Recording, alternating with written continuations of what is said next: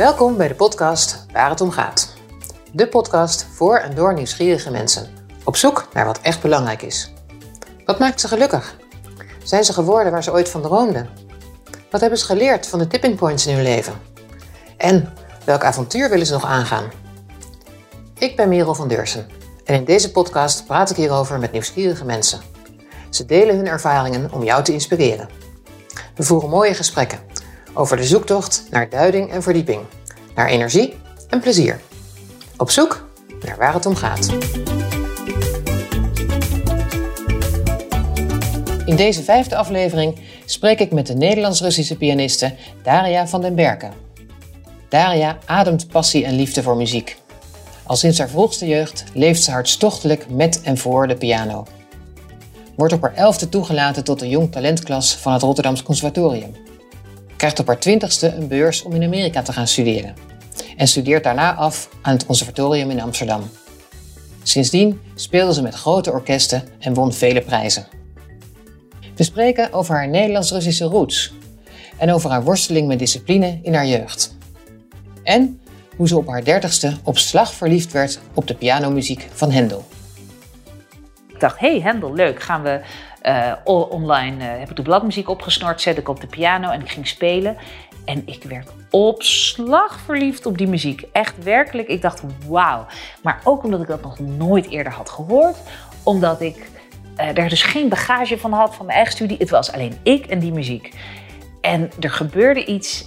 Alle deurtjes in mijn hoofd gingen open. En zo liet ze alle heilige huisjes in de klassieke muziekwereld los en speelde ze deze muziek overal, buiten, langs de Amsterdamse grachten op een piano die werd voortgetrokken door een auto en hangend aan een hijskraan boven haar publiek in Rio. Een gesprek over passie en discipline, over inspiratie en nieuwsgierigheid.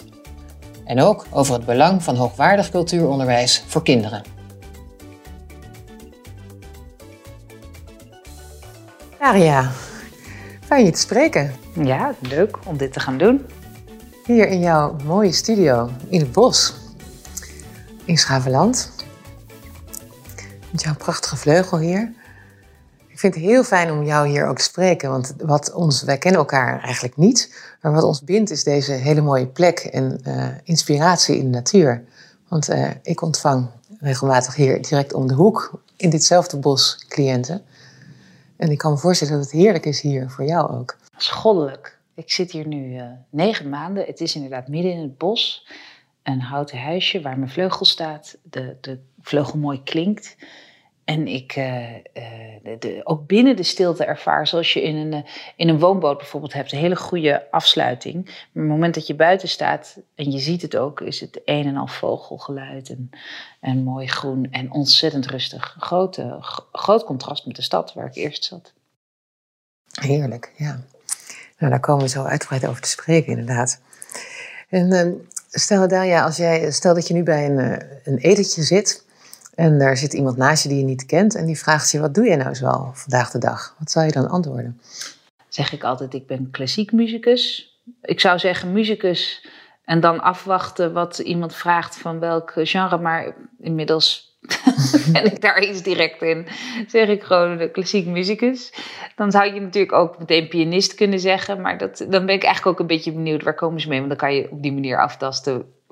Ja. Wat, uh, wat is er bekend over zo'n vakgebied bij iemand? En dan weet ik meteen op welke manier ik erover kan, uh, over kan praten. Dus dan doe ik net zo aftastend als, als de vraagsteller zelf. Ja, ja. ja, ja, ja precies. Nou, ik, ik ben benieuwd waar we, waar we naartoe gaan vandaag. Ja. ja. En om eerst even bij het begin te beginnen, ik ben ook een beetje benieuwd naar hoe jij geworden bent, wie je bent. En een beetje meer te weten te komen van de kleine Daria. Mm -hmm. uh, waar kom je vandaan? Ik ben geboren getogen in Utrecht. Um, en mijn vader uh, komt uit Venray, Noord-Limburg. En mijn moeder uit Sint-Petersburg in Rusland. En ik heb één oudere zus. Maar ik ben zelf geboren in Utrecht. En daarbij zeg ik wel meteen met een enorme link naar mijn Russische kant toe. Uh, uh, dit was nog, ik, ik ben 41, dus ik ben in 1979 geboren. En um, die eerste jaren was er nog een Sovjet-tijd. En mijn oma, met wie ik een hele goede band heb, die leeft nog steeds, die is 95. Die, uh, maar in, in toen nog Leningrad. Mhm. En wij gingen daar één keer per twee jaar naartoe. En dat zijn natuurlijk hele ondernemingen in Sovjet-tijd. Want dan ging je met de trein, ging je echt twee nachten in de trein. En dan, uh, uh, ja, wij moesten natuurlijk ook Russisch leren als kind. Dus mijn moeder heeft dat ontzettend goed en volhardend gedaan. Dat zeg ik nu met zoveel overtuiging, omdat ik zelf een dochter heb. En en dat nu besef ik hoeveel werk het moet zijn geweest. Het is niet zomaar een tweede taal, maar het is natuurlijk echt een andere taal dan, dan, dan het Nederlands. In, in, in wortels en, uh, en, en lettertype en alles. Uh, maar dat heeft ze heel goed gedaan, waardoor ik altijd prima heb communiceren. En mijn oma kwam dan ook één keer per twee jaar uh, echt zes maanden bij ons wonen. Mm. om de winter te overwinteren in het wat, wat kalmere Nederland. Ja, ja. En sprak je met je moeder ook Russisch? Of? Ja, dat doe ik nog steeds. Een soort uh, hybride mix. Uh, het is wel meer Nederlands. Ook, uh, ook mijn moeder ontwikkelt zich. Ook op een gegeven moment zei ze: Ja, ik weet nog, ik woon nu al meer dan de helft van mijn leven in, in Nederland. Of ik ben gewoon, weet je, ik ben gewoon Nederlands. Maar dan, toen kwam mijn gewenning van het Russisch praten. Dus dan ben ik weer degene die volhardt. Yeah. En ik merk gewoon dat als ik moe ben, dan ga ik Russisch praten, omdat dat echt de eerste woordjes waren. Tot mijn vierde hebben ze alleen maar Russisch met ons gepraat. Want mijn vader spreekt ook uitstekend Russisch. En mijn zus ging op een gegeven moment buiten spelen, kwam terug met Nederlandse taal. En dat deed ik ook, dus die Nederlandse taal kwam heel snel. Maar uh, als ik echt moe ben dan, en niet hoef na te denken, dan zeg ik simpele dingen altijd in het Russisch. Ik heb ook een, een, een, eh, een man die geboren is in Georgië, wat ook Russisch, Russisch, taal, uh, Russisch talig was in de Sovjet-Unie. Dus ik doe nu hetzelfde met mijn man. Dus het, het, blijft in stand, het wordt in stand gehouden mijn hele leven lang. Ik kan er ja. niet zoveel aan doen. ja. En wat brengt dat Russische extra in jou? Nou, dat, houdt, dat, daar vraag ik me, onder andere ook vanwege mijn dochter, dat vraag ik me ook wel vaak af, uh, want het is een rijkdom, dat als eerste, om zo'n taal en cultuur mee te krijgen. Um, uh, het is een rijkdom. Ondertussen heeft het er ook voor gezorgd. Ik weet nog dat ik in de kleuterklas zat en we gingen tekeningen maken. En ik maakte een tekening waarin ik uh, uh, waarin mijn oma met de trein in Utrecht aankwam. En, of haar juist gingen uitzwaaien. Een van de twee, dat weet ik niet meer. Zo zo'n trein. En, dan, mm. en ik weet nog dat ik toen dacht van dit, oh, dit, dit, Ik was echt origineel. Dus ik dacht van jeetje, ik ben de enige. Dus het was heel bijzonder. En het maakte dat ik me een, op een positieve manier een buitenbeentje voelde. Dus ik dacht, dit is, weet je, ik ben de enige met de Russische oma. De jaren tachtig waren er nog niet zoveel Russen in Nederland. Nee. Dat is nu falikant omgedraaid. Daar heb ik echt aan moeten wennen. Want het was ook een geheimtaal in de trein of oh, waar ja, we ook waren. Uh, maar um, die, die Russische kant zorgde ervoor dat ik altijd dacht, ik ben een beetje anders. Uh, en of dat altijd goed is, weet ik niet. Maar het was leuk. Ik, het voelde, ik ik kon me daar, als ik op latere leeftijd, dan heb ik het over tienerjaren, wanneer je meningen gaat vormen, als ik iets niet leuk vond aan het Nederlandse, dan dacht ik, oh, maar ik ben gewoon Russisch ook. Uh, ja. Het sloeg natuurlijk nergens op, ik ben hartstikke Nederlands. Maar dat, dat was wel makkelijk uh, uh, jezelf zo apart te stellen. en dan ook nog eens de muziek, dus dat maakte me helemaal ik, ik, ik, zat op mijn eigen eilandje. Ja. En dat is aan de ene kant prachtig, want nou ja, goed, die rijkdom krijg je gewoon mee. Ik heb daardoor altijd heel cosmopolitisch geleefd. In het buitenland heb ik me nooit.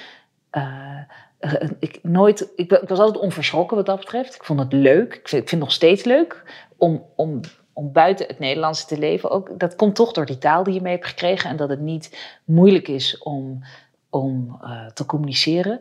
Maar uh, nou ben ik de lijn van mijn gedachten kwijt dat andere, de andere kant was, ja, nee, je, je dacht ook, je stelde jezelf een beetje apart als, als er iets niet leuk was. Ja, ja. En hoe was het thuis?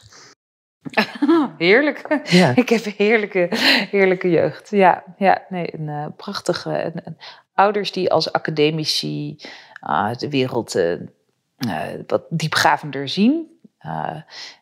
en heel veel kunstboeken in huis, omdat allebei heel zwaar geïnteresseerd in, in, in kunst en cultuur. Mhm. Zonder dat het verder per se een vak is. Nou, mijn moeder gaf wel op een gegeven moment Russische taal en cultuur uh, aan de universiteit. Maar, uh, en mijn vader is, is ook academicus, die is um, uh, theoloog, historicus en slavist.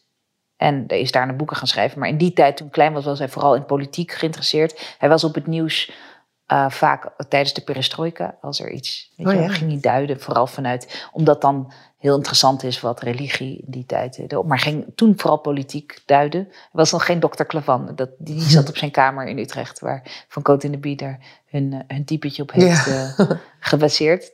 Ehm, maar eh, dus al, het nieuws stond altijd aan. Dat, Ja. eh, dus tussen half zes en acht, eh, half negen stond Heute, Tagesschau, BBC, op een gegeven moment RTL 4, dat kwam er dan bij. En eh, het acht uur journaal aan. Daar werd ik wel een beetje gek van. Ja. maar het was heel, verder heel leuk. Ja, ik heb een hele leuke jeugd. ja. En de muziek speelde je al een, leven, eh, een rol in je leven toen je klein was? Absoluut, ja. Eh, mijn ouders hebben het gepresteerd om, vooral mijn moeder heeft gepresteerd om het gevoel te geven dat, eh, dat wij in een muzikaal gezin opgroeiden, alsof mijn ouders muzici waren. Ze deed dat door heel je stevast, ja, ik denk zelf eerst muziek op te zetten. We hadden platen en ja, we hielden ervan. Mijn zus ging cello spelen. Het, ze deed het door ons op een basisschool te zetten, waar er van, twee van in Nederland zijn. Eentje in Utrecht Centrum en eentje in Haarlem Centrum. En in dat was een kleine school van toen zelfs op het kleinste punt 38 leerlingen. Mm. Heel weinig, op het grootste punt 67 geloof ik. Eh, eh, de koorschool. Dus daar, de koorschool, kathedrale koorschool op de Plompe Torengracht in Utrecht. Ehm, en dat was vanaf groep 5. En daar zong je de hele, niet de hele dag, anderhalf uur per dag, een uur, een Oh. kwartier. Je begon met inzingen een half uurtje.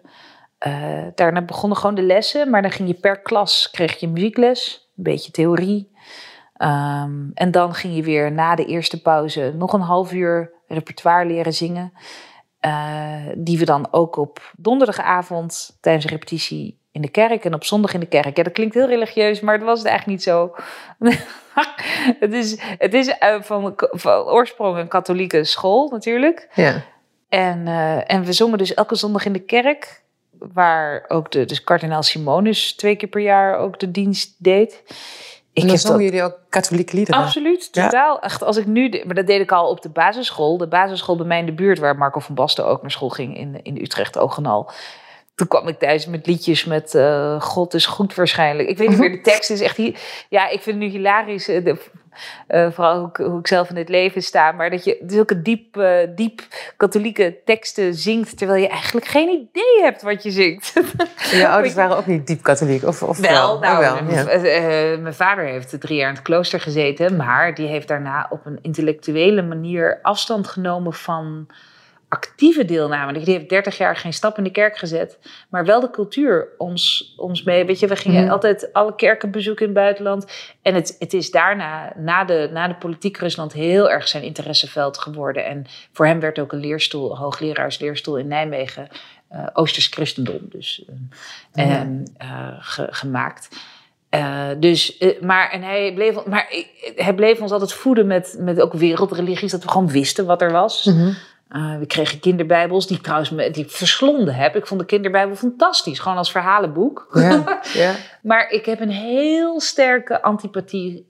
eh, al toen ik tien was, negen was, ik, ik heb me nooit religieus, zelf religieus gevoeld. Dat was kennelijk gewoon een aanwezige, aanwezig sentiment. Ik heb me nooit, nooit ook maar enigszins verbonden gevoeld met, met wat ik hoorde in de kerk. Ik weet nog als wij moesten voorlezen door mijn schuld, door mijn schuld, door mijn grote, grote schuld, dat ik echt dacht, wat nou schuld? ja. en toen was ik tien en de snerpende stem van kardinaal Simonus hielp ook niet Nee. ik vond het zo vervelend in klank dat, dat religie op mij, of in ieder geval de, het katholicisme op die manier op mij geen enkel vat heeft gehad. En had je het daar thuis dan over? Als jij dan terugkwam met dat schuld, schuld. Nee, want mijn vader liet dat ook los. Dus Ja, die, ja. die wilde ons wel meegeven. En dat- eigenlijk vind ik dat prachtig. Die wil, ik heb het gevoel dat ik ontzettend goed de geschiedenis, of de cultuur Ja. meegekregen. Ik ben ontzettend blij dat ik ook die rijkdom heb meegekregen. Dat ik kerken van binnen heb gezien. Uiteindelijk, op een gegeven moment werd hij ook geïnteresseerd in moskees. Dus als we naar Istanbul gingen, ja, dat werd weet je wel, dat was een interesseveld voor hem. Dus nou, gingen we ook bezoeken. Heeft later, toen ik een bezoek in Oman bracht, dat wilde ik ook meteen die moskee zien. Ja, dat heb ik gewoon dan van mijn vader meegekregen. Eh, gewoon het, het historische oogpunt interessant. Want dat zijn veel nieuwere gebouwen. Alleen die worden met overtuiging gemaakt, zoals gotische kerken in de, weet je, in de, in de 14e eeuw. Is het 14e? Nu zit ik alweer te twijfelen, ik heb al een tijdje niet meer bezig gehouden. Maar ook de Renaissance, als, uh, en waar, wat, ja, wat dan ook een religieuze uh, uh, thematiek continu heeft. heel veel, ja, ik, ik ben ontzettend dankbaar dat ik dat wel kende. Dat ik wist wat een pietà was, of dat ik wist wat een annunciatie was. Ja. nou, dat is fijn dat ik het meegekregen. En ik ben ontzettend blij ook dat het dus geen. dat ik kennelijk mezelf altijd ook heb meegedragen. Dat het dus geen vat heeft gekregen op mijn overtuiging, die kennelijk altijd er zijn geweest. Ja, precies. Ja. mooi. En als je even terug gaat inderdaad in die, blijft bij die kindertijd. Um, is jou ook al die vraag gesteld vroeger door tantes en ooms van... Wat, eh, Daria, wat wil je later worden als je groot bent? Ja, Weet je dat nog? Uh, niet tantes en ooms. Ja, dat is, is, waarschijnlijk honderd keer gesteld. En dan gaf ik waarschijnlijk ook een ontzettend standaard antwoord. Maar ik weet één moment dat ik echt wist uh, wat ik antwoordde. En, dat, en ik vond het zelf uh, grappig. Of in ieder geval, uh, ik weet nog hoe met volle overtuiging ik antwoordde. En dat is ook wel een beetje tekenend met hoe ik erin stond. Ik was negen, we zaten in de koorbus. Want we waren naar Duitsland geweest voor een koorreis. De eerste. Mm. Had op mij heel veel indruk gemaakt. Vond ik fantastisch. Um, dus we gingen, de, en in het koor zitten ook wat oudere kinderen. Dus een meisje van 17 of 18, die vroeg aan mij... Daria, wat, wat wat wil je later worden? En ik zei, ik wil naar het conservatorium. En dat kwam er echt, dat kwam uit het, uit het diepst. Ik wist dus wat mijn ontwikkelingsstap moest worden. Ik wilde naar het conservatorium. Mijn zus deed al jong talent. Die is drie jaar ouder en die speelde cello. En die, je hebt op het conservatorium zo'n traject, als je getalenteerd bent, dat je eerder wordt aangenomen en gewoon al meedraait met mhm. volwassen docenten. Uh, en, en dan dus gewoon ja, op een professionele manier leert leert spelen. En niemand heeft me gezegd dat ik dat moest gaan doen. Maar dat wilde ik, want ik wilde een stap verder komen. Dus, en dat is tekenend, zoals ik net zei, omdat ik, uh, ik kon niet ver vooruit kijken. Um, en dit is geinig hoor. Uh, we waren in Rusland toen ik 19 was of 20. En een vriendin van mijn moeder die in een kunstenares en die was een beetje zwevend en die was into tarotkaarten, wat ik ontzettend geinig had. Dus ik dacht, kom maar op, laat maar, weet je, wat wordt de toekomst? En toen kwam ze bij mij, kwam, ik weet niet wat, het waren niet roei, het waren steentjes, wat is het? Roeisteentjes, of hoe heet het nou? In ieder geval iets waarmee je toekomst wordt voorspeld. En ik stond er helemaal open voor op dat moment. Ik dacht, kom maar, ik vond het ook een beetje eng.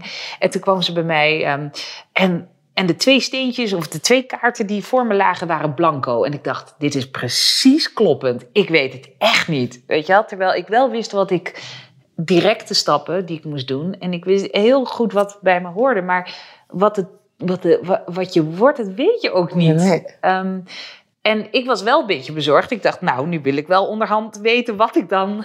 wat ik dan maar, maar het was wel tekenend dat ik, dat ik heel lang. Uh, uh, tot mijn 22e, toen er weer zo'n sleutelmoment kwam, kwam. dat ik eigenlijk ook niet snapte wat ik in de muziek precies deed. Omdat ik ook elke. Ja, en toen midden in de ontwikkeling zat, ook als persoon. Mm uh, dat, ik, dat je, ja, wat je niet weet wat je wordt. Nou moet ik wel aan toevoegen dat ik wel. En nu ga ik alles wat ik net heb gezegd weer omvergooien. Um, uh, want ik heb bijvoorbeeld mijn communie wel gedaan. Dat heeft mijn vader wel gedaan. En, en toen leerde ik dus, nou dan leer je bidden en dat soort dingen. Um, en dat ik dan s'avonds, en ik weet nog dat ik dacht, dit is zo hypocriet. Dat ik als zeven of achtjarige dan ging bidden van, laat me op een podium spelen, laat me pianist worden. En ik, ik maar ik, er zat iets van hypocrisie, want A, ik geloofde niet in God. Dus ik ging gewoon iemand... en ik wist ook heel goed dat je, dat, dat je dan moest werken. Kennelijk was ik me heel erg bewust van dat je heel erg moet werken om daar te komen. En ik wilde het gewoon. Ik dacht, geef het maar aan mij. Ja. Dus ik, eh, er was iets uh, dat ik dat bad. En kennelijk wilde ik dat dus. Ja. Uh, dat, uh, maar, maar het klopte totaal niet met waar ik stond in in mijn ontwikkeling. Want ik was helemaal geen wonderkind die op dat moment al op podium kon zitten spelen. En wel die drive had. Je zei, ik realiseerde me wel dat ik daarvoor iets moest doen, dat ik moest werken. Kennelijk, ja, veel, heel, veel, heel diep. Maar ik weet nog dat ik dan, ik vouwde mijn handjes. Ik ging echt zo zitten zoals dat hoort, met bidden. En ik dacht, nou, dat ben ik helemaal niet. Maar ik ga het gewoon doen, want ik wil dit. Misschien helpt het, weet je wel. Ja, ja. En ik was ook echt acht of zeven rondom die, die, die communie die je dan doet.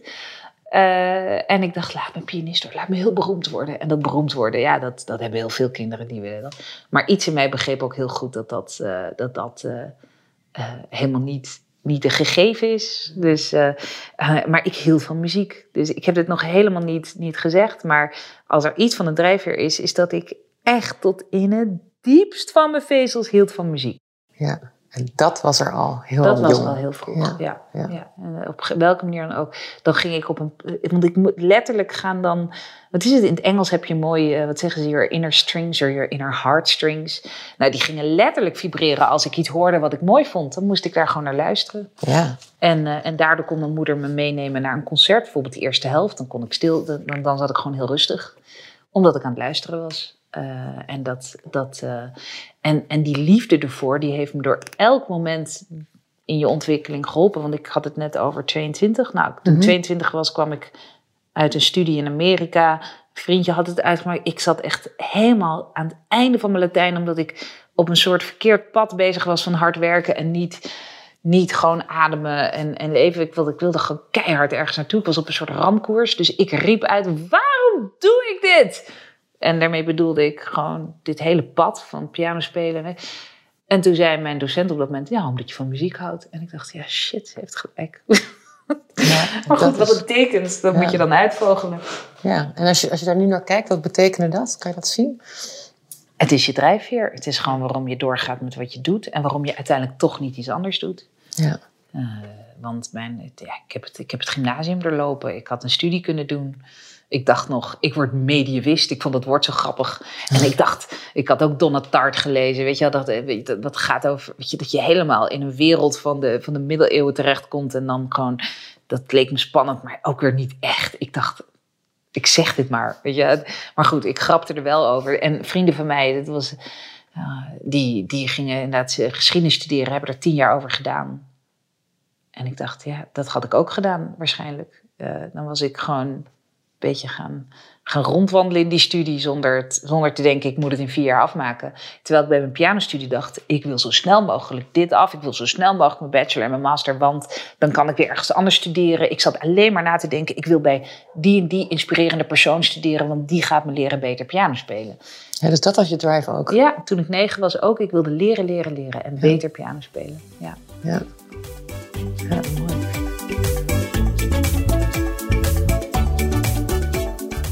Je had het net over je, je 21ste, dat dat een belangrijk moment was. Ja. Is het inderdaad, kan je dat omschrijven als een soort van tipping point in je leven, een kantelpunt? Ja, een waar een bepaalde balans verandert misschien? Of? Ja, ja, ja, want zoals ik al zei, tot die tijd was ik op een soort ramkoers. En uh, als ik naar mezelf kijk, ik heb ergens een... Soms heb ik er een beetje, ook een beetje, uh, nou spijt kan je niet hebben, want het gaat zoals het gaat. Maar ik heb ergens een verkeerde afslag genomen in mijn hoofd, denk ik al rond mijn tiende. Dat ik inderdaad dus heel erg iets wilde leren, maar mijn persoonlijke ontwikkeling daar niet echt acht op sloeg. Dus gewoon die als, die als puber doorgaat, die als weet ik veel wat doorgaat. Mm -hmm. Ik wilde echt, ik, mijn, mijn, mijn, ik was ontzettend uh, snel met het willen leren van, ik vond het, het was echt een drug. Het leren ook van, van nieuwe muziek, van gewoon het, het uh, uh, uh, iets presteren, vond ik heerlijk. ik heb ook wedstrijd geroeid, mijn zus ook. Vond en wat, wat bracht je dat, presteren? Wat? Nou, ik, ik vond het leuk om te winnen. ik vond het leuk om de beste ergens in te zijn. En iedereen zei ook, vandaar je stelt geen prioriteiten, stel eens prioriteiten. Dus ik was op een soort ramkoers dat ik overal... Ik kon niet helemaal bepalen wat ik moest doen om... om uh, ik, ik, kon nog niet in de bepalen wat, waar ik gewoon, dat ik rustig sommige dingen bijvoorbeeld, nu denk ik, ja, sommige dingen zijn niet belangrijk. Nou, laat ik gewoon. Dus, en mijn persoonlijke ontwikkeling uh, remde daardoor een beetje in af, omdat ik dus altijd, ja, ik was hard aan het werk. Ik, ik was niet aan het puber. Ik ging ook uit trouwens, want ik had een, ik had een vrij feestende zus en dat, dat, dat heeft zeker zijn invloed gehad. Dus ik dacht, ik moet ook, ik zat in populaire uitgaansgroepjes. Maar ik was daar toch altijd degene van die dan als eerste zei: hey, ik ga naar huis. Uh, weet je, niet om twee uur, maar om twaalf uur. Zo. Ja, ja. Omdat ik dacht: ja, morgen heb ik een roeiwedstrijd, die wil ik ook goed doen. Ja. Uh, dus ik liep niet helemaal gaan. En dat, maar goed ook, want uh, weet je wel. En, en, je zegt dat is dat toch iets wat ik in mijn persoonlijke ontwikkeling niet helemaal heb doorleefd? Of, Ja, het, kijk, soms denk ik, het kon ook niet anders. Want voor topsport en voor uh, iets wat je wilt doen, heb je ideale omstandigheden nodig. Ook rust in, uh, in je omgeving. Die had ik. Ik had wel de, de, de de ondersteuning van Mhm. iedereen. Maar wij woonden bijvoorbeeld in een gehorig rijtjeshuis. Ja. Waar ik niet heel vrij kon piano spelen. Ik zat ook in de woonkamer. Dus ik zei net al, het nieuws ging, moest aan. Ik had altijd Ja. tussen drie en half zes dat ik kon piano spelen. Nou, dat was bijvoorbeeld een remming. Want eh, je moet ook om geïnspireerd kunst te maken of muziek te spelen, moet je ook kunnen, een beetje kunnen fladderen, kunnen improviseren. Weet je? wel? En dat had ik niet. Ik dacht, oh, ik heb nu tussen drie en half zes dat ik dit stuk kan instuderen voor het conservatorium, weet je wel, voor een tentamen. Ik ging daar gewoon heel systematisch mee aan het was werk. heel gedisciplineerd. Heel en gedisciplineerd. dat fladderen ging niet echt. Nee. En discipline is, nou, bleek ook gewoon een karaktertrek. Ik, Ja. ik, en dat helpt me nu eh, enorm. Ik, ik zie ook, oh, dat maakte ook vaak het verschil eh, met andere mensen. Ik heb, ik heb het in me om gedisciplineerd te zijn. Ehm, als, het, als ik iets echt wil. Ehm, en, en, en, weet je, en, en toen had ik geen enkel probleem. Het zat echt aan de top, of mijn, het, aan de top van mijn prioriteiten om gedisciplineerd te zijn. Ik Ja. dacht, dit is mijn manier om hier doorheen te komen. Ik moet die school ook afmaken. Ik wil het allemaal goed doen. Ik vind het interessant. Dus het, het systeem leende zich ertoe. Want ja, cijfers halen. Nou ja, dat, dat was oké. dat, daar- Dat ging je dus doen. dat Ja. ging dus doen. Ja. Soms, ik weet nog dat ik soms verlangde naar, kan ik niet HAVO doen? Of kan ik niet naar de vrije school? Kan, dus ergens in mij snapte ook, dit is, dit is niet, ja, een kant van mij die zich nu ontwikkelt. En zo ben je ook het conservatorium gaan doen, Ja. kennelijk. Oplopend naar die 22e. Oplopend, ja, precies. En toen kreeg ik, toen ik twintig was, won ik, want ik won natuurlijk dingen en ik was wel, weet je wel, ik was jong talent nog. Dan ben je dat, nou, je, je, je, je, bent, de- je zit op je eiland van een van de betere zijn. Ik wist ook inderdaad, als je peers, eh, ik wilde ook op het consortium dan de, de betere zijn of iemand die diepgaand in de muziek zat en dit en dat. Dus ik, ik, ik, ik had daar wel een soort eh, ambitie in. Maar toen won ik een beurs om naar het buitenland te gaan. Mhm. En nou, alles in mij wilde zo ver weg mogelijk. Dus ik dacht, een vriendinnetje was al naar Amerika vertrokken, naar een van de beste scholen van Amerika, Philadelphia. Dus ik ging auditie doen in Juilliard. Ik kreeg, ik kreeg een beurs van, het was het 25.000 gulden. Dus dat was, was veel Ja. Rotary Scholarship. Die kwam gewoon in mijn schoot geworpen, Ja. omdat ik ooit iets had gewonnen. Dus ik ging toen in, in 99 was dat naar eh, Juilliard en Bloomington. Dat zijn twee van de, van de ja, top vijf scholen, music schools in Amerika. Nou, ik werd aan, beide aangenomen. Wow. En wat wel grappig was, ik was enorm New York fan, want ik was er al een keer geweest. En de mensen mij zeiden, ga naar New York, want feest, feest, leuk, leuk, leuk. Maar ik zag ook dat die school in New York, in het centrum, weet je wel, bij Lincoln Center, het zou daar heel gedisciplineerd worden. Eh, want als je er tien minuten uit je studiehokje gaat, dan gaat het licht automatisch uit en mag iemand anders, anders het overnemen. En ik was dus kennelijk al moe genoeg om dat niet meer te willen. Ik Ja. dacht, leuke stad, maar ik wil niet meer zo vastzitten.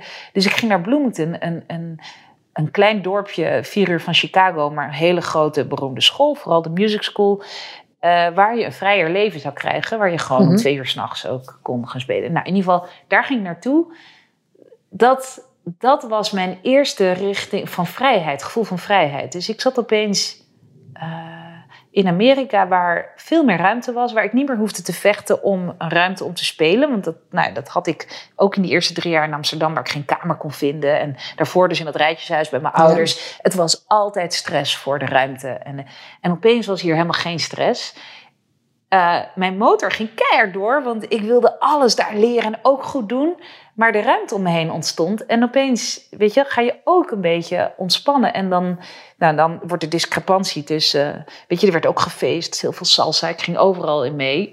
Hartstikke leuk. Maar ik werd doodop. Dus toen Omdat je alles pakte. De ene Ja. en de andere ja, kant. en mijn lichaam begaf het. Nou, ik had ook dat, een, heel, een, een- een vriendje die echt, eh, toen die vreemd ging, nou, toen was het bij mij helemaal op. Toen, toen, want ik dacht, het moet alles, maar ik was, het was ook, ik was ook mezelf niet. Ik was nog steeds echt op een soort ramkoers, terwijl er om me heen het leven opende. En, en ik dus in ging zien van, hé, hey, iets klopt hier niet.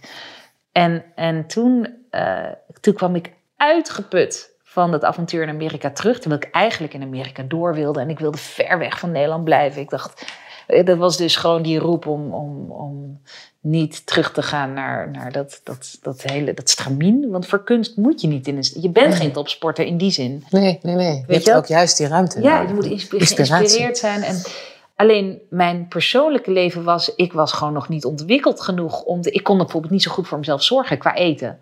Hmm. dat, dat liet ik altijd links liggen. Dus ik heb me ook een lactose-intolerantie.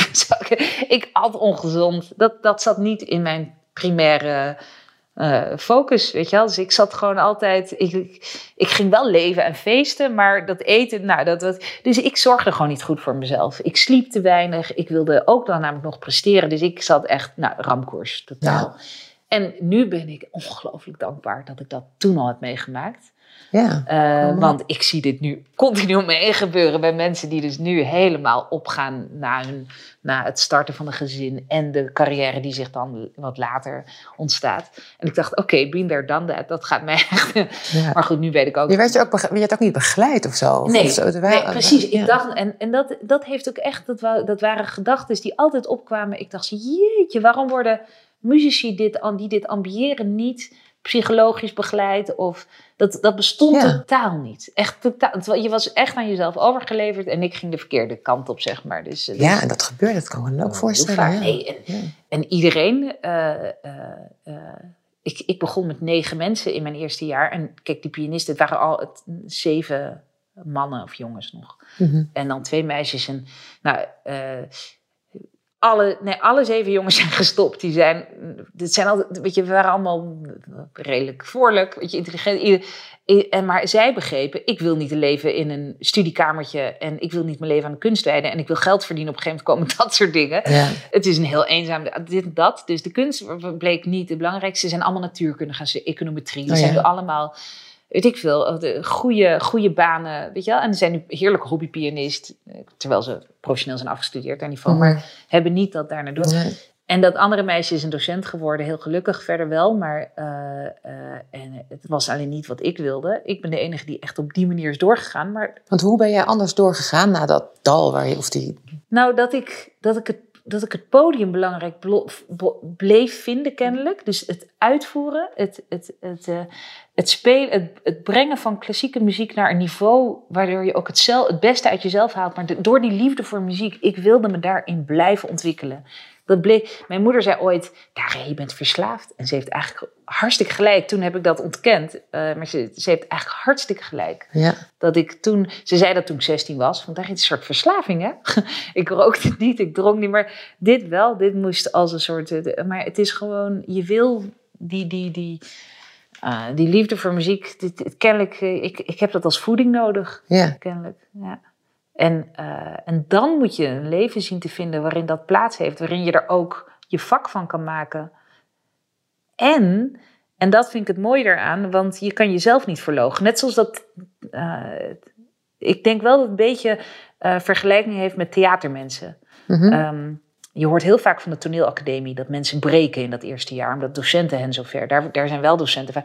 Weet je, omdat ze om, om te acteren moet je jezelf goed kennen. Je moet jezelf, weet je wel, en, en sommigen komen heel bleu in dat eerste jaar of het tweede jaar. En die breken, ik weet niet, tussen aanhalingstekens. Mm -hmm.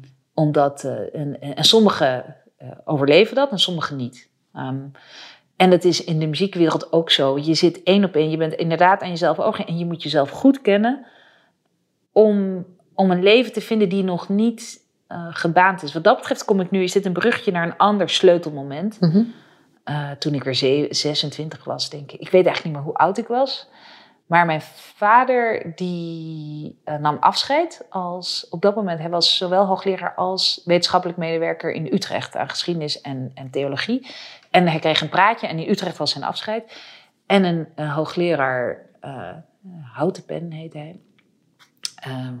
Uh, theologisch, uh, hij was in ieder geval ook hoogleraar theologie. En ik praatte even met hem, het was chit-chat, weet je, op het eind. Um, van die borrel. En hij zei, Daria, er is geen gebaand pad. En het is echt een, ja, het is een super doorsnee zin. En, maar op dat moment was het voor mij essentieel om te horen. Ik dacht, ja, er is inderdaad geen gebaand pad. En ik dacht ergens dat het er wel was. Ik dacht dus, als ik maar goed genoeg pianist word, dan word ik vanzelf, kom ik bij dat management of win ik dat concours. Dus ik was iets jonger, ik was 24. Toen dacht ik, win ik dat concours, win ik het. En dan speel ik gewoon die concerten en klaar. En dat gaat dan zo. Dat is het, alsof ik een baan heb. Weet je wel? Maar de, in die, ook in heel Nederland, waarin ZZP'er steeds normaler werkt, weet je wel.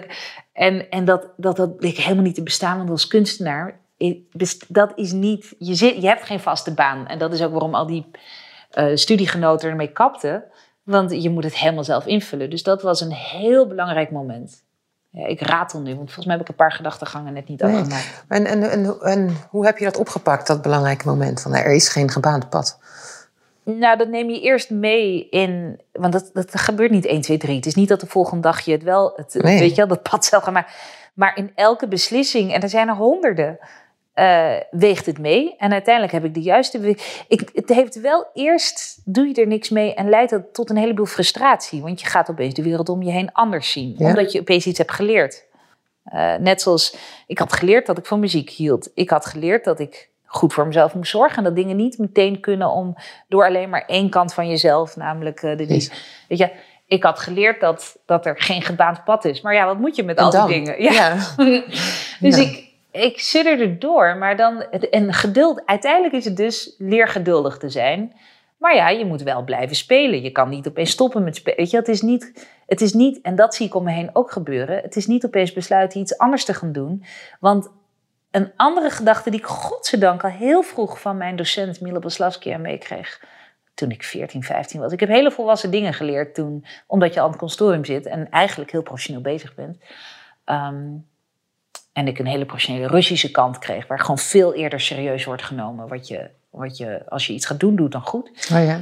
En als we dan hardop nadachten over, over iets, eh, over een eh, studie of weet je wel, of dat kwam in een halve zin ter sprake. Toen zei ze, Daria, als je iets anders gaat doen, dan ben je nog lang niet zo goed in wat je nu doet. Weet je wel, dan moet je weer van vooraf aan beginnen. Dan is niet dat je meteen, daar meteen goed in gaat zijn, weet je wel. Ja. Dan moet je echt... en dat nam ik altijd mee. Dus de, de, eh, ja, eh, ook dus toen ik 22, 24, 26 was en even speelde met de gedachte: ik wil dat mijn leven makkelijker wordt, ik ga een andere studie doen. Dacht ik, maar wat, ze heeft gelijk, dan moet ik weer van vooraf aan beginnen. Ik ben helemaal niet zo goed in iets anders dan wat ik nu doe. Ja. De vraag is: kan ik dit nog beter maken eh, en, en wat makkelijker bewegen in, in, in dat vakgebied of zo? Ja. En ik moet dus durven en nou ja, weet ik veel. Dat, en ik hield er dus van. ehm, en met die gedachtes, iets anders is niet makkelijker per se. Eh, je, er is geen gebaand pad. En zorg goed voor jezelf. Met dat op zak moest ik dus het grote avontuur aan. Want dat is dus doodeng. Ik besefte dus dat voor iemand met discipline... en die dacht dat er gebaand pad was... is dus die hele vrije wereld eigenlijk heel eng. Ja. Maar met die kennis wordt het weer makkelijker. Nou ja, goed. Of dan moet je gewoon durven een kant te kiezen. Zoiets is het. Eh, en vol doorgaan.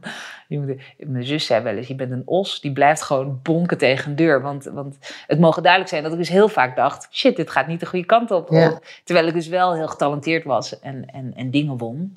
Maar het is niet... En zit daar dan ook nog steeds, en, en toch de basis al de liefde voor muziek. ja, eh, En ik zie een enorme drive en door Ja. kunnen gaan. En het moet ook leuk blijven of zo. Ja. Het spelen, letterlijk. ja, Eh, hoe, hoe, hoe krijg, ik kan me voorstellen dat je dat ook nodig hebt om te overleven. Of ja, zo. maar dat had ik altijd wel als ik een stuk instudeerde. Dus ik heb nooit het spelen niet leuk gevonden. Ja. Maar wat ik inderdaad, waar ik mee worstelde was... die eenzaamheid van zes uur per dag op je kamer zitten. Weet je wel? Ja. Van, nou, ik, Ik bedoel, ik zou be- le- le- bijna letterlijk het kinderlijke spelen. ja.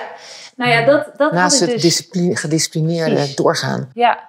ja, daar ben ik niet helemaal over uit. Eh, ik heb dat op een gegeven moment ook gewoon genegeerd. Dat dat er jammer genoeg bij mij niet van kinds af aan in zat. Omdat ik dat, ja, die, die, die letterlijk die fysieke ruimte niet heb gevoeld. Van dat ik gewoon even Mhm. kon doen wat ik gewoon leuk vond. Dat was ook die Russische school. Dat was ook de, de, eh, eh, de, de, de, het rijtjeshuis waar de buurman overspannen was of het nieuws aan moest. Dat was ook gewoon mijn eigen karakter. Dat heb ik niet. En op een gegeven moment, dus ik, ik dacht wel van, goh, wat jammer dat ik dat nooit heb kunnen doen. En dan had ik, of kan ik nu wel kunstenaar worden?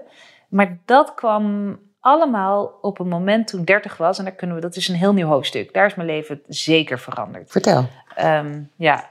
Eh, maar ik moet ik eerst dit even afmaken, Ja. want je vroeg net. eh, Ja, hoe je het, het hoe je dat- de hoe discipline en het spelen ja. integreerde.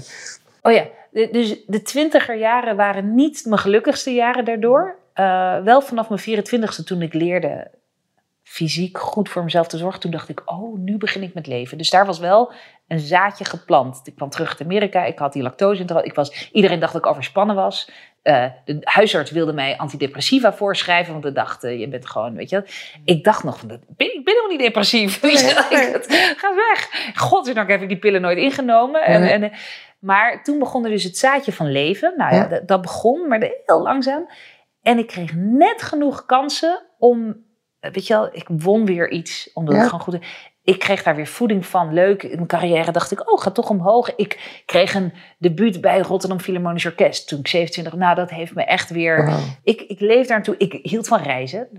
Dus ik, ik had net genoeg om vast te houden. Om, om te denken van ja, het gaat toch het gaat de kant op die ik wil. Dus iets om gelukkig van te zijn. Mhm. Het spelen, het, het, het blij zijn van, Ja. van. Dat bleef wel. Maar Ja. echt op een laag pitje. Maar het bleef. En het waren eigenlijk hele grote dingen die ik deed. Weet je? Ja. Zo met Rotterdam veel spelen. eh, en dan ook hele goede recensies in Volkskrant en NRC krijgen. En dat, daar zelf gelukkig van worden. Eh, het, het, het presteren op olympisch niveau, dat deed ik dan. En daar kon ik dan ook daarna weer een half jaar op teren. Totdat het volgende grote ding zich aandeed. Mhm. Maar eigenlijk was het natuurlijk niet genoeg om je carrière ook, weet je wel, om een huis van te kopen. Wat inmiddels iedereen op zijn 27ste deed. Of, weet je, ik zat nog steeds in mijn studentenkamer. Maar ik presteerde op een waanzinnig hoog niveau. Op sommige momenten. en daartussen zat ik te worstelen. Nou goed. En dus bouwde zich frustratie op. En toen was ik 30. eh, en toen kwam alles eruit wat erin zat, wat ik nooit wist dat ik in me had. Ehm, en dat is een fantastisch moment geweest. En eerst werd ik 30 en ik dacht, ha, ik hoef niet meer te leven volgens. Ik, ik voelde me opeens helemaal weer los van alle vrienden die zich zelfs al kinderen hadden gekregen, die al waren getrouwd, die al waren huizen hadden gekocht. En ik dacht, weet je, nu begint mij. Ik voelde me helemaal niet meer verantwoordelijk van dit moet ik ook. Het was een ongelooflijk vrijheidsgevoel. Toen ben ik ook ontzettend vrij. eh, Ik, ik weet niet, toen werd ik gewoon volwassen, laat ik zo zeggen. Dus ik voelde me vrij en ik ging gewoon uit waar ik zin in had. Ik, ik leefde een heerlijk leven. Eh, ondertussen wel denkend, van er moet wel iets veranderen. Maar, maar ik, ik, ik voelde de druk niet meer van de sociale druk, die al was ontstaan en waardoor je heel gefrustreerd werd. Mhm. Ik was toen in november, eh, november thuis en ik zat wel te kijken, wat moet ik nou met mijn carrière? En ik was wel heel gefrustreerd, dus dat kan allemaal naast elkaar bestaan. Ja. Hè? De vrijheid en toch behuilend van frustratie over, over je... Want ik, was een heft, ik heb altijd een heftige pers- persoonlijkheid gehad. Eh, en ik keek online en ik dacht, weet je wat, ik ga toch dat grote pianoconcours doen in Bonn. Dat ga ik toch doen, want ik hou van het repertoire. Ik- keek online en ik zag dat, dat je fuga's van Bach of van Hendel moest spelen. Nou, ik zag dus iets wat ik niet kende. Fuga's van Hendel. De componist Hendel kennen we allemaal, ik ook. Maar een fuga is een bepaalde vorm voor, voor pianisten om te spelen. Mhm. Maar ik wist niet dat Hendel muziek voor de piano of klavecimbal eigenlijk had geschreven. En ik ben me, misschien iets wat onderbelicht is gebleven. Ik ben altijd nieuwsgierig geweest naar nieuwe Mhm. dingen. Dus nieuwsgierigheid heeft me ook altijd weer vooruitgebracht. Ja. En een individueel pad gebracht. Ik denk dat uiteindelijk dat eigen pad computer... Dit is wel weer een bewijs ervan. Ik dacht, hey Hendel, leuk. Gaan we eh, online... eh, heb ik de bladmuziek opgesnort, zet ik op de piano en ik ging spelen. En ik werd op slag verliefd op die muziek. Echt werkelijk. Ik dacht, wauw. Maar ook omdat ik dat nog nooit eerder had gehoord. Omdat ik eh, daar dus geen bagage van had van mijn eigen studie. Het was alleen ik en die muziek. En er gebeurde iets. Alle deurtjes in mijn hoofd gingen open. Die door de discipline en door alle, alles wat ik, hoe ik in elkaar zat, nooit open zijn geweest. Eh, ik schreef drie dingen op. Ik wil zoveel mogelijk mensen bereiken met deze muziek. Ik wil het opnemen op een cd, dat was dan. En eh, ik maak geen compromis aan de inhoud. En dat, dat moet ik later uitleggen. Hier heb ik ook met TED ook over gedaan, die nu meer dan miljoenen keer is bekeken. Ja. En ik, ik, doe dit, ik vertel dit verhaal, wat ik nu begin Ja. aan jou, vertel ik aan, aan bedrijven die inderdaad aan persoonlijk leiderschap werken. Weet ik veel, want dat, iedereen vindt het allemaal reuze interessant. Maar daar begon inderdaad iets voor mij. Ja. Namelijk een volledige autonomie en keuze over mijn eigen eh, bestaan. Want ik heb toen. eh, wat een lange aanloop hebben we eigenlijk gehad trouwens. Jezus.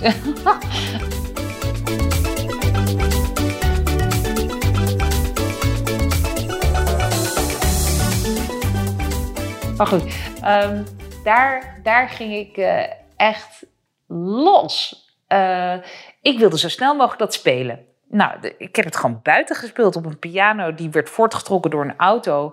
Ik heb alle heilige huisjes in de klassieke muziekwereld losgelaten waarvan ik dacht dat zijn mijn parameters als carrière. Nou, Die auto dwars door Amsterdam, toch? ja, ja, ja, ja. Ik speelde door de, de parade, zo'n de, de theater. Ja. Die had zo'n vleugel in hun bezit. En dat is theaterwereld, niet pianowereld. Niet de klassieke. wij spelen het concertgebouw, weet je. Ja. Maar goed, ik ging op die vleugel spelen en ik dacht, als ik daar nou alleen Hendel speel, dan word ik niet een soort circuspianist. Nee, dan word ik een pianist die Hendel verder wil brengen. En dat dacht ik, klopt. En niks in mij dacht, nou, wat denken anderen? Of wat, vinden, wat, vindt, wat vindt de klassieke muziekwereld? Of wat vindt mijn strenge ik hiervan? Weet je Mhm. wel? Of ik dacht, ik ga het gewoon doen, want volgens mij ga ik hiermee mijn doel bereiken. Nou, zo heb ik gewoon ja gezegd. Dat is dit waar het om gaat. Ja, ja, dit is waar het om gaat. Want hier kwam mijn persoonlijke ontwikkeling en de klassieke muziekwereld helemaal bij elkaar. Eh, ik heb in die twee jaar daarna, waarin ik als een soort yes man van Jim Carrey, ken je die film? Waarin hij op een gegeven moment leert, ja, ja, gewoon overal ja moet zeggen. De andere extreme vormen van. Ja. Maar zo was ik wel. Ik zei, ik had ook van mijn zus geleerd.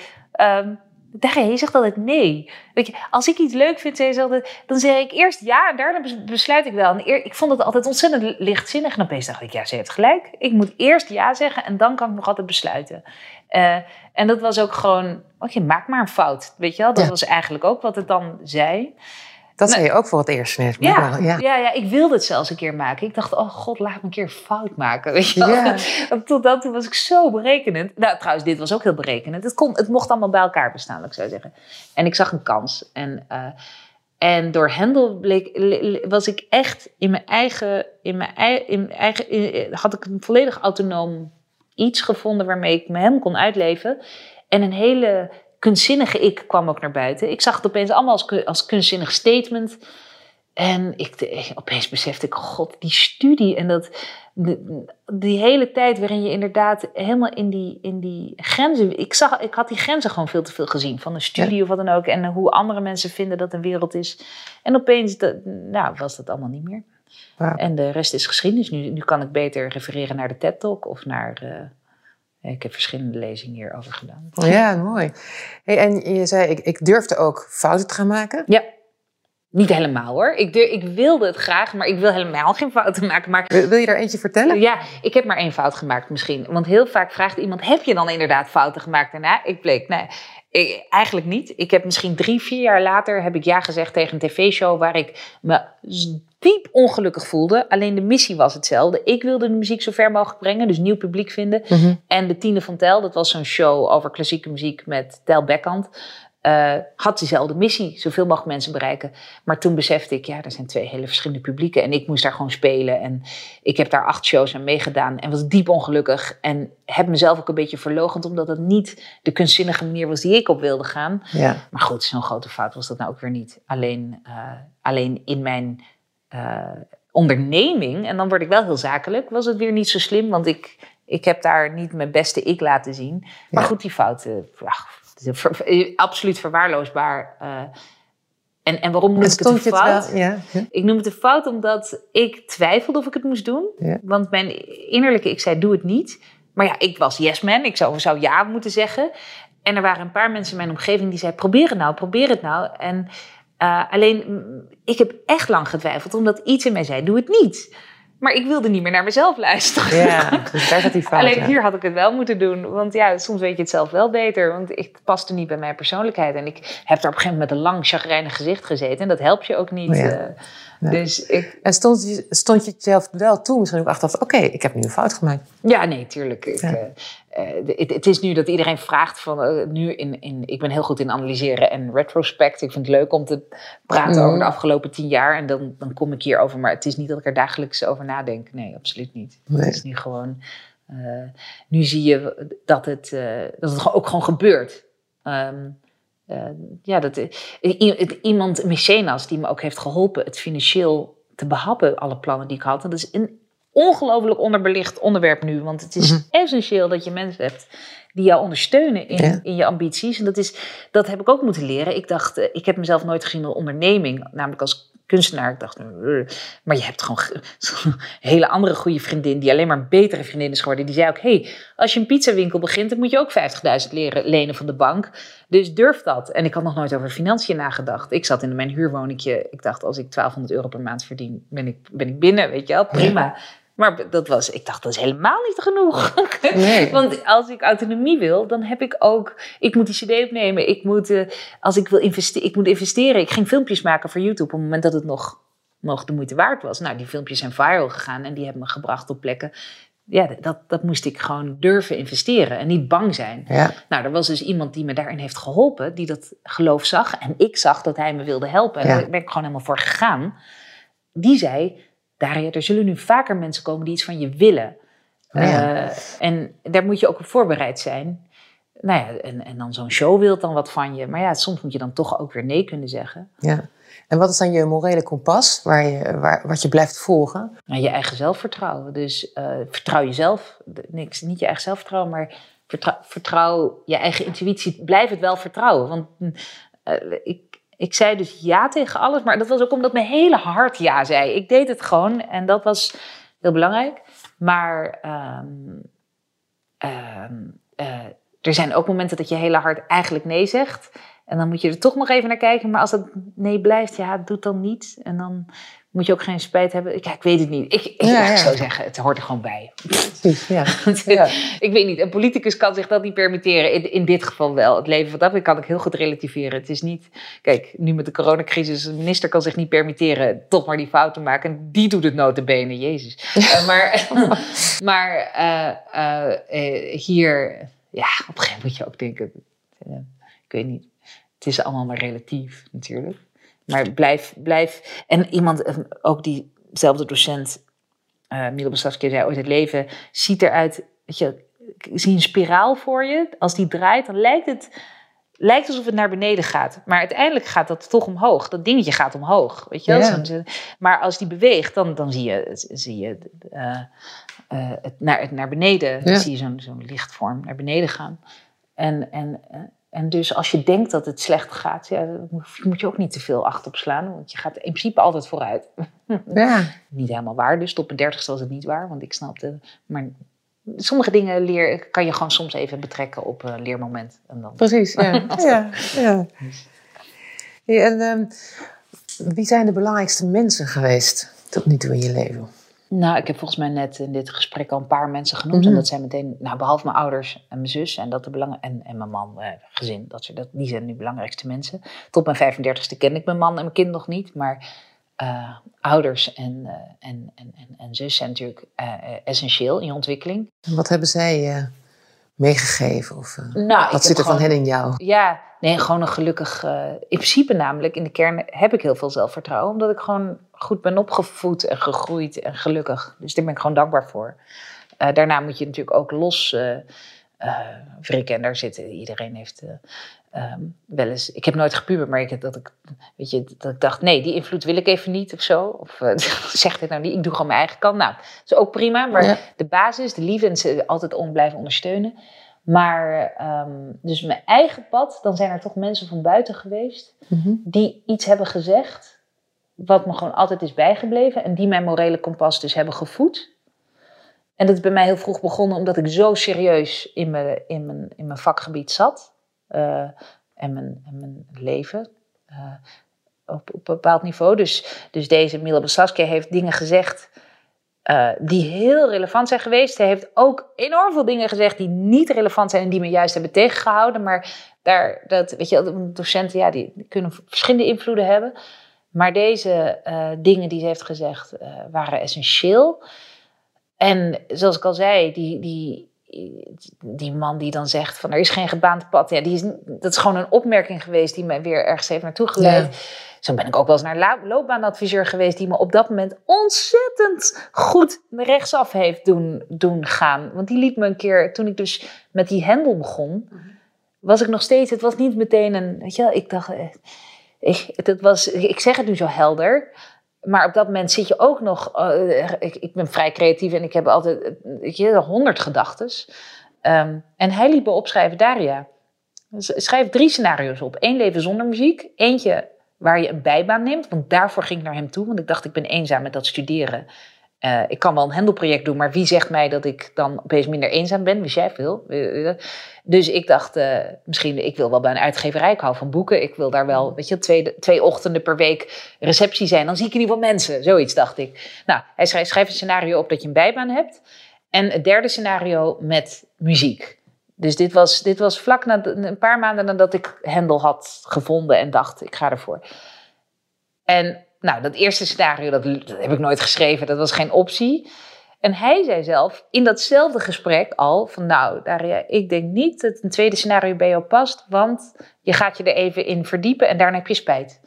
En ik dacht, ik was zo dankbaar dat hij dat zei, want dat ik het niet meer zelf hoefde te bedenken. want dat voelde hij al wel, dat dat ja, zo was. Ja, want ik kan me inderdaad verliezen in een nieuw project, maar dat moet je dan niet doen als je ervan... Maar het andere was, het derde scenario, toen werd heel duidelijk dat ik buiten mijn comfortzone moest treden en bijvoorbeeld over financiën moest nadenken. Als ik het leven in muziek ging kiezen, met 100% muziek, dan moest ik ook echt, echt dingen gaan leren. Gewoon echt een stap vooruit zetten die niet gemakkelijk is, die, niet, uh, die je nooit hebt gewild en die dus heel onnatuurlijk voelen. En zoals ik al zei, ik kom uit een alfa gezin. Geld, geld verdienen, dat was nooit op de top of niemands list. Nee. ik bedoel, iedereen was blij met een academische baan. Weet je wel, de prima leven, maar nooit, weet je wel, de, de, de, de ondernemerschap zit niet in de familie, uh, uh, het bedrijfsleven zit niet in de familie. Niemand die ook maar een graantje meegaf van, van misschien moet je inderdaad een lening aangaan of mensen. Dus ik ging een boek lezen. Keith Verwatsi, Never Eat Alone. Mijn zus heb ik, eh, grappen er continu over. Dat je moet, eh, er staat letterlijk, uh, uh, maak vrienden met degene. Weet je, het is niet dat je je hand op moet houden, moet vragen: mag ik 10.000 euro voor dit? Want dat, dat maakt hem ook ongemakkelijk. Zo zat ik niet in elkaar. ik, sta, ik snapte, ik heb ook de prooi maar gelezen en ik snapte, iedereen ziet het als een spelletje en iedereen doet gewoon wat hij leuk vindt. Wow. Nou, heel snel wat geleerd. En en toen ik dus op die manier financiën zocht en ging crowdfunden. Wat, Want dat was het wat het meest buiten je comfortzone Totaal. Dat, ja. echt totaal. Dus ik ging crowdfunden nadat ik dat boek had gelezen. En dat ik een loopbaanadviseur. En ik dacht, dat was net genoeg, genoeg stof om dat te durven. Toen zei mijn lerares weer, die zulke wijsheden heeft gezegd die zei weer, Daria, voel je niet schuldig? Want ja, die, die, had een, die, die zat heel persoonlijk, die, die snapte niet, ja, dit is weer een hele andere kunstenaarswereld. Die zei, voel je niet schuldig? En ik dacht, nee. Nu, daar, ja, ik ging dus een pad op die niet te haren was. Ja. En dat zijn grote tegenstellingen. Ja. Weet je wel? Ik, ik voelde me niet schuldig dat, ik, uh, dat, ik, uh, dat mensen misschien inderdaad plezier beleven aan investeren in jou. Omdat ze ook houden van muziek, maar niet muzikus zijn. Precies. Ja, ik, ik leerde heel snel heel veel dingen. En god, wat, wat zorgt dat ervoor dat je persoonlijke ontwikkeling uh, in, een, in sneltreinvaart raakt? En, en weet je, de inlevingsvermogen. Ik, ik, ik stond opeens veel meer in de, maatschappij, in de maatschappij. Ja. Uh, doordat ik leerde snappen hoe bedrijven werken. Of, uh, weet je wel, dat vermogen had ik altijd wel om te snappen, maar ik... Uh, ik, ik heb je bracht nog niet in combinatie nee, met, jouw niet. passie. Nee, ja. nee. Ja. Mijn, mijn, passie en mijn werk was altijd heel persoonlijk. En ik dacht, dat is dus mijn eigen eiland. Ja. Dat is helemaal niet waar. En maakte je dat dan ook minder eenzaam daardoor? Want dat noemde je net even eigen eiland. Ja, ja. Van, vanaf dus dat ik dat echt besloten te gaan doen. En eigenlijk het moment dat ik besloot Hendel dus te gaan... Ik ging op de, die vleugel spelen buiten. Ja. En ik dacht, dat moet ik filmen. Oh, maar dan moet ik een filmer vinden. Oké.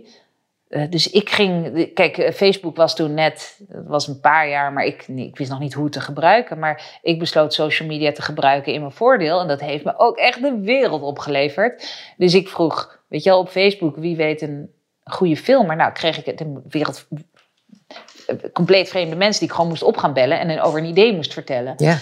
Vliegensvlug leerde ik me te bepalen of ik met iemand in zee wilde of niet. Dus ik had drie gesprekken. Nou, eentje had ik zo'n klik mee. En ik had gedacht, je hebt talent, dacht ik. Nou, gaan we doen.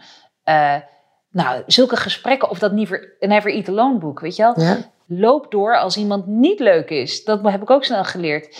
En opeens werd ik veel communicatiever. Ik leerde veel meer met iemand Weet je wel, gewoon een, een, simpel gesprek voeren. Ik was helemaal niet zo simpel van aard, maar ik leerde gewoon een gesprek voeren.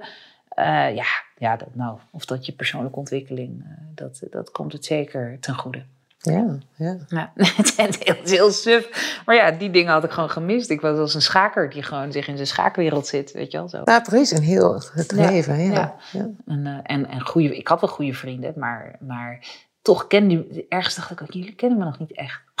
Ja, Omdat ik mezelf nog niet ken. precies. dus eh, zoiets. Ja. En, en nu, wat heb je te vieren?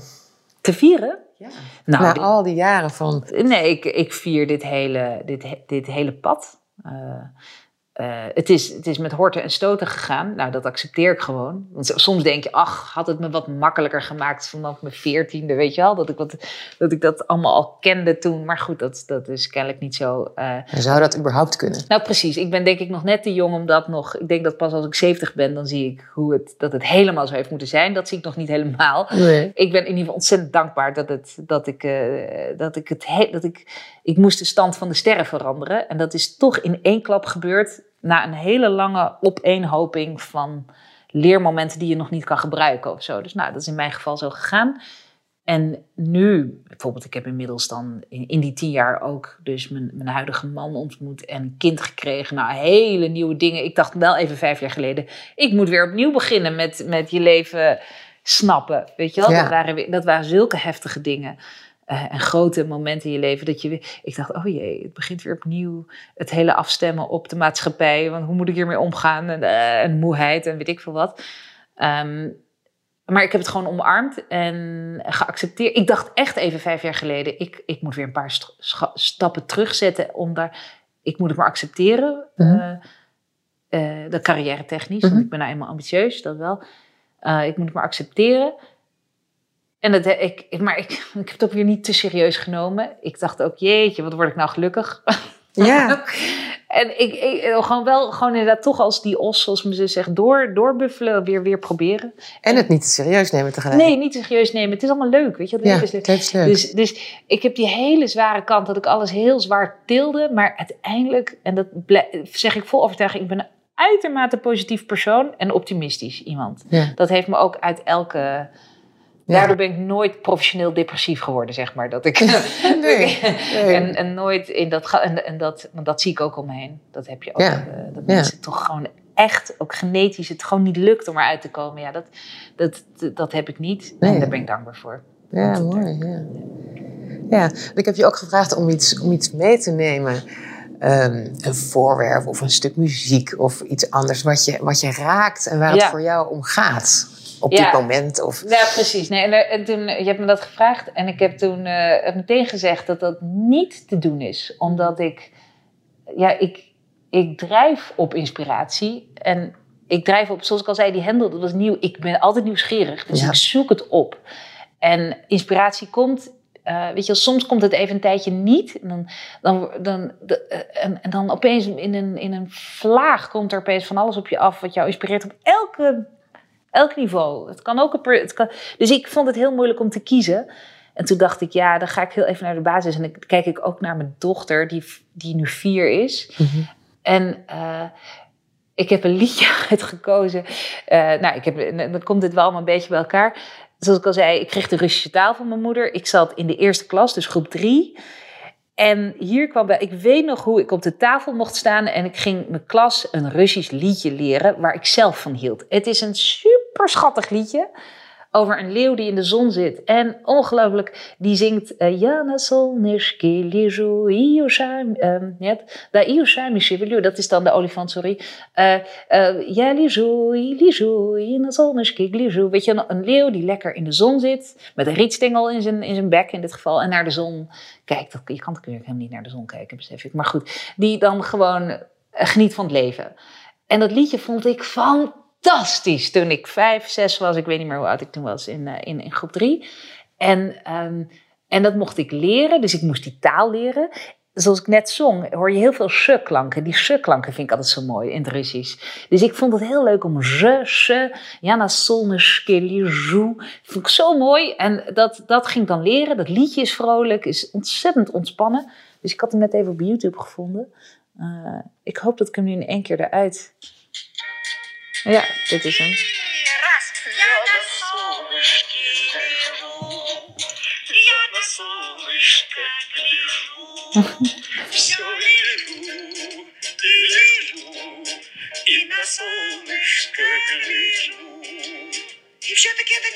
Ja, nou gaat ze door. Eerlijk gezegd, in mijn herinnering was het, een, was het dus... Je ziet hier ook een schildpad met een wat lagere stem. In mijn herinnering was het die lage stem. Maar dit, dit heb ik meegenomen omdat het me eraan herinnert... dat je op elk niveau in je leven wel een ander inspiratiebron hebt. Eh, of iets waar je gelukkig van wordt. En ik kijk dus nu naar mijn dochter. Nou ja, goed, die vindt dan, eh, die vindt dan eh, een bepaalde serie. Weet je Pieter Konijn heeft ze toen ze twee was echt verslaafd gekeken. Oh, Pieter Konijn! Die hysterie, de terrible twos was ook Pieter Konijn kijken, Pieter Konijn kijken. Nou, kennelijk doet het er iets. Ja. Ik trouwens, ik vind het ook een leuke serie. Maar, eh, maar eh, op elk niveau in je leven heb je iets wat je leuk vindt. En dan moet je, daar moet je gewoon van genieten. En, eh, en, en ik dacht nu bepaald, het is kennelijk ook... Ik zei net, ik ben optimistisch. Nu besef ik wat een optimistisch liedje dit is. Ja, En gewoon genietliedje. precies. En Dus ehm, dat heb ik meegenomen. Wat mooi, dankjewel. Mhm. En ehm, als je hebt het over je dochter en over inspiratie, eh, wat, wat is het wat je, wat je wil bijdragen aan de wereld of misschien ook wel eh, de mensen na ons, je dochter? Ja, nou, eh, we hebben toch dit jaar verkiezingen gehad. En na 17 maart heb ik. Toen werd ik weer heel gefrustreerd. Echt heel boos. En toen schreef ik een brief aan Mark Rutte, die ik een paar keer heb ontmoet toen ik speelde. Weet je wel, ik, eh, ik heb hem dus ook gewoon getutoreerd. Het was een beetje passief-agressief. Ik snap ook wel dat je een demissionair minister-president ook, als je hem een brief stuurt, misschien wel met u moet aanspreken. Maar hier dacht ik, joh, we hebben een paar keer gesprek gevoerd. Een paar keer een gesprek gevoerd. En het kwam uit het diepst, want ik vertel nu een verhaal waar het mij goed ging in tien jaar waarin zo is bezuinigd op kunst en cultuur, eh, waardoor ik het voor mijn dochter gewoon zie verdwijnen en plus al langer. Ehm, ik heb op die koorschool gezeten, maar in principe is cultuuronderwijs, kwalitatief cultuuronderwijs, al 40 jaar weg. Eh, dat wordt niet door de regering ondersteund, dat wordt niet benoemd. En nu met al die populistische partijen wordt het extreem niet benoemd. Het begon als linkse hobby, nou dan sta je al 1-0 achter om, moet je uitleggen waarom het niet een linkse hobby Nou, dat was onzin. Tien jaar lang heb ik het een beetje gewoon genegeerd. Ik dacht, ik ga mijn eigen pad wel. Ehm, en opeens op 20 maart, mijn man zag me twee avonden achter elkaar iets schrijven. Ik heb nog nooit iets geschreven. Maar ik had die brief op een gegeven moment geschreven. Hij is uiteindelijk in het parool gepubliceerd en ging totaal viral. eh, waarin ik zeg dat ik rondfiets en mezelf er niet toe voldoen. Nee, toe, ik voel me er niet toe doen.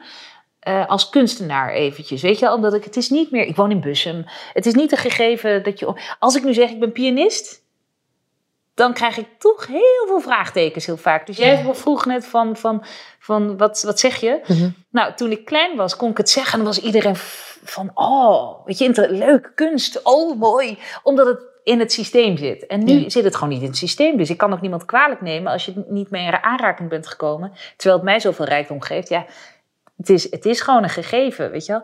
En ik ben dus toen, de, die brief is gepubliceerd. Ik heb sindsdien, eh, ik heb daar heel veel in geschreven. Je kan hem gewoon online terugvinden. En elk zinnetje wat ik heb geschreven, heb ik daarna weer uitgewerkt tot een nieuw opiniestuk. Drie zijn er nu in parool geschreven. En komende zaterdag komt er eentje in de trouw. Dus, eh, omdat ik daar zeg hoe belangrijk niet alleen cultuuronderwijs, want, eh, maar kwalitatief. Dat er vakdocenten zijn die kinderen inspireren. Weet je wel? Dat het, ik leg uit waarom het belangrijk is. Ehm, en ik, sommige, er zijn heel veel mensen en, en groepen die zich hard maken ervoor. Maar dat je met vakdocenten dat die weer terugkomen en dat je mm, je hele basisschoolleven lang eh, eh, gewoon goed onderwijs krijgt. Ik- En cultuur, en ook tuurlijk, rekenen alles, heel belangrijk. Maar En waarom is het belangrijk? Nou, ik heb het net, ik heb twee weken gedaan Ja, ja, over ja. dat opiniestuk. Maar het kijk, even samen dat het, dat het je cognitieve en emotionele ontwikkeling helpt, dat is al lang ook al wetenschappelijk bewezen. En ik, ik, ik zeg dat ook. Eh, eh, eh, het heeft mij zoveel, niet alleen mij, maar ik zie het ook om me heen, het, ehm, op die koorschool. Dus iedereen zat daar. Weet je, er werden ook moeilijk leer- lerende kinderen opgezet. En je, kan, je voelt een bepaalde vrijheid als je niet thuis bent in een, in een streng leertraject. eh, dan kan dansen of, of een muziekinstrument spelen, het leren, je leren uiten, is zo belangrijk. Het is zo belangrijk. Mm, en jij vraagt, wat wil ik meegeven? Mhm. Nou ja, dat is dat. Eh, en eerlijkheid gebied te zeggen, mijn man is ook kunstenaar. En hij zegt, oh joh, dit geven we wel van huis uit. En ik wil gewoon dat ze op school gewoon goed leert rekenen. Die, die kant heb ik, Ja. heb ik ook. Maar we zitten... eh, ik wil dat, dat, zo'n emotionele en persoonlijke ontwikkeling met veel zelfvertrouwen. Ik zie ongelooflijk veel voorbeelden van kinderen die zich beter kunnen uiten in een expressievak. En die daardoor prima later leren hoe ze hun, hun toekomst moeten navigeren. Ik zelf ben met horten en stoten gegaan, maar ik zie dat bij jonge kinderen eh, heel vaak een groot verschil maken. Dus mm, niet zomaar cultuuronderwijs, maar echt met aandacht en met vakdocenten. Ja, dat, dat wens ik ze nu toe. Maar goed, je, vra- je vraagt weer iets wat nu speelt. Ja, mooi. Morgen heb ik weer een andere, ander, ander aandachtspunt. Maar dit het lezen, ja. ja. En volgen. Dank je, Daria. Tot slot zou ik je willen vragen om, als je weer even terugkijkt naar die kleine Daria, daar, eh, hoe oud was ze toen ze die droom had en in groep 2, 3 zat? Ehm, wat zou die kleine Daria tegen de grote Daria van nu willen zeggen? Kleine Daria, oh, die hoeft niks te zeggen. Die zit nog steeds in me. Nee hoor. Dat is gewoon, eh, eh, ook in mijn TED Talk zeg ik erover. Alles wat je voor je tiende eh, meekrijgt, ehm, dat biedt, biedt, is de basis voor, voor latere momenten. Of, het nou, of je nou inderdaad welk vak, vakgebied je ook kiest hoor. Maar in mijn geval was het dus de, de, de muziek die zo.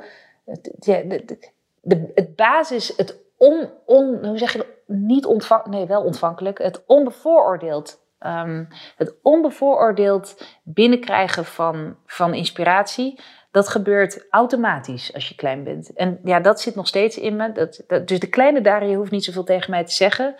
Eh, ik moest er even aan herinnerd worden toen ik 30 was. dat Ja. wens ik andere mensen ook toe. Dat het, als het even weg is, dat het weer terug. Dat je niet te veel laat leiden door, door, door, door al die ehm eh, stramine. Waar je ongewild of gewild in komt. Maar de grote Daria moet te- zou Mhm. tegen de kleine Daria moeten zeggen. Laat je dus inderdaad niet te veel leiden door. eh, weet je, geniet ervan en laat je niet te veel leiden door al die stramine. Dat, Ja. dat eh, andersom, meer dan, dan Dat eh, is het voor jou. kleine Daria moet zich nog ontwikkelen namelijk. Nou, dankjewel. Graag gedaan. Blijf genieten.